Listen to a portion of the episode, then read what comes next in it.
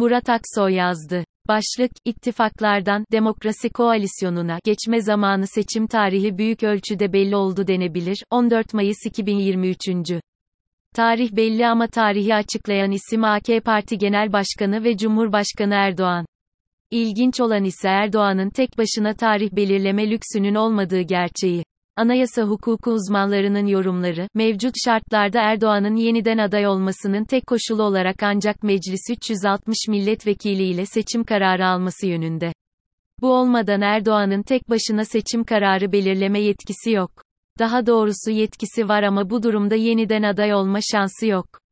Bu hukuki gerçek ortada olmasına rağmen, Erdoğan'ın her koşulda aday olmasına muhalefetin büyük partilerinin siyaseten itiraz etmeyeceği. Ancak tip Deva Partisi ve kimi hukukçuların bu durumu yargıya taşıyacağı ve son sözü Yüksek Seçim Kurulu'nu YSK vererek tarihe bir not düşmek istedikleri de bir gerçek. Sonuç olarak muhalefetin kazandığı yeni dönemde yakın geçmişte hukuksuz olan pek çok kararın bir biçimde kamusal bir tartışmanın nesnesi olacağı da açık.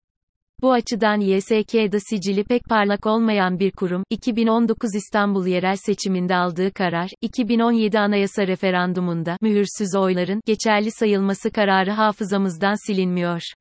Evet, Erdoğan konusunda yapılacak hukuki itirazlar, belki bir sonuç doğurmayacak ama YSK vereceği karar ile kurumsal sorumlu olarak kamuoyu önünde olacaktır. Diğer yandan tartışmanın sadece Erdoğan'ın yeniden aday olup olamayacağı ile ilgili olmadığı da açıktır.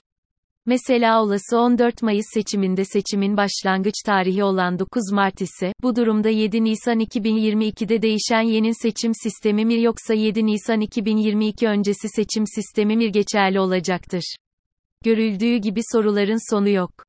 POPÜLİZMİN sonu yok hukuki alanda yaşanacak tüm bu tartışmalardan bağımsız olarak siyasi iktidar son dönemde sadece siyasi alanda değil ekonomik alanda da popülist politikalarını sürdürmektedir.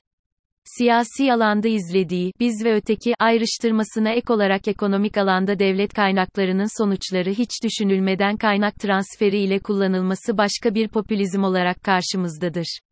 Dahası ekonomik alanda izlenen bu popülist politikaların, Erdoğan'ın oylarını az da olsa olumlu etkilediği kimi araştırmalara yansımaktadır. Kamu bütçesinden, vergilerimizden sağlanan bu kaynak transferinin ülkenin içinde olduğu ekonomik krizi aşmada hayat pahalılığına merhem olmadığı bu kadar açıkken, Erdoğan'ın oyunun az da olsa yükselmesi gerçeğini, muhalefetin gerekse ittifak gerekse tek tek tüm partiler olarak tekrar düşünmesi gerekmektedir. Dahası sadece düşünmesi değil, bu gerçeği kullanacakları iletişim stratejileriyle halka anlatmaları gerekmektedir. LÜMPENLİ yumuşak GİN yükselişi buna ek olarak siyasi iktidar, uzun süredir sürdürdüğü lümpün bir milliyetçilikle karışık bir dinbazlık politikasını devam ettiriyor. Sadece içeride değil dışarıda da bu politikayı sonuçlarından bağımsız olarak uygulamaya ve sahip olduğu görsel ve yazılı propaganda makinası ile bunu bir gerçekmiş gibi sunmaya devam ediyor. İktidar, bu kapalı devre yayın sistemi ile gerçek dışı pek çok şey üzerinden gerçek algısı üretmekte ve bunu tabanına sunmaktadır. Buna göre Türkiye'de ekonomik kriz yoktur. Zam değil fiyat değişikleri olmaktadır. Enflasyon bir sorun değildir. Döviz düşecektir. Özetle ekonomide iktidar dünyaya örnek olmakta, dünya bizi kıskanmaktadır. İktidarda kalmayı, siyasi başarı, değil, ontolojik yani, var olma ya da olmama, hali olarak okumak her alanda popülizmi zorunlu kılmaktadır. Buna göre iktidar, hep iktidar olmak zorundadır ve bunun içinde her şey mubahtır. Kazanmanın olmazsa olmazı bu gerçek ortadayken yani iktidar, iktidar olma halini korumak için her şeyi yaparken, muhalefetin de iktidar olmak için siyasi olarak yapması gerekenleri, en azından seçimi kazanmak için siyasi ortaklığı kurmak zorundadır. Bu da ancak ittifaklardan hareketle açık ya da örtülü bir demokrasi koalisyonu inşa etmekten geçmektedir. Bu koalisyonun ortak paydası, iktidar, devlet blokunun ötekileştirdiği tüm partilerin, bu sistemin değişmesi ekseninde ahlaki ve siyasi bir ortaklığa sahip olmasıdır. Yani daha çok demokrasi, daha çok adalet, daha çok özgürlük isteyen, demokratik parlamenter sisteme dönmek isteyenlerin ortaklığı kaçınılmazdır. Nokta. Bu durumun siyasete yönetebilmenin koşulu, bir araya gelen tüm toplumsal farklılıkların kendi siyasal, kültürel, dinsel ve etnik kimliklerini koruyarak, yeni bir üst kimlikte buluşmak için bir adım atmalarıdır.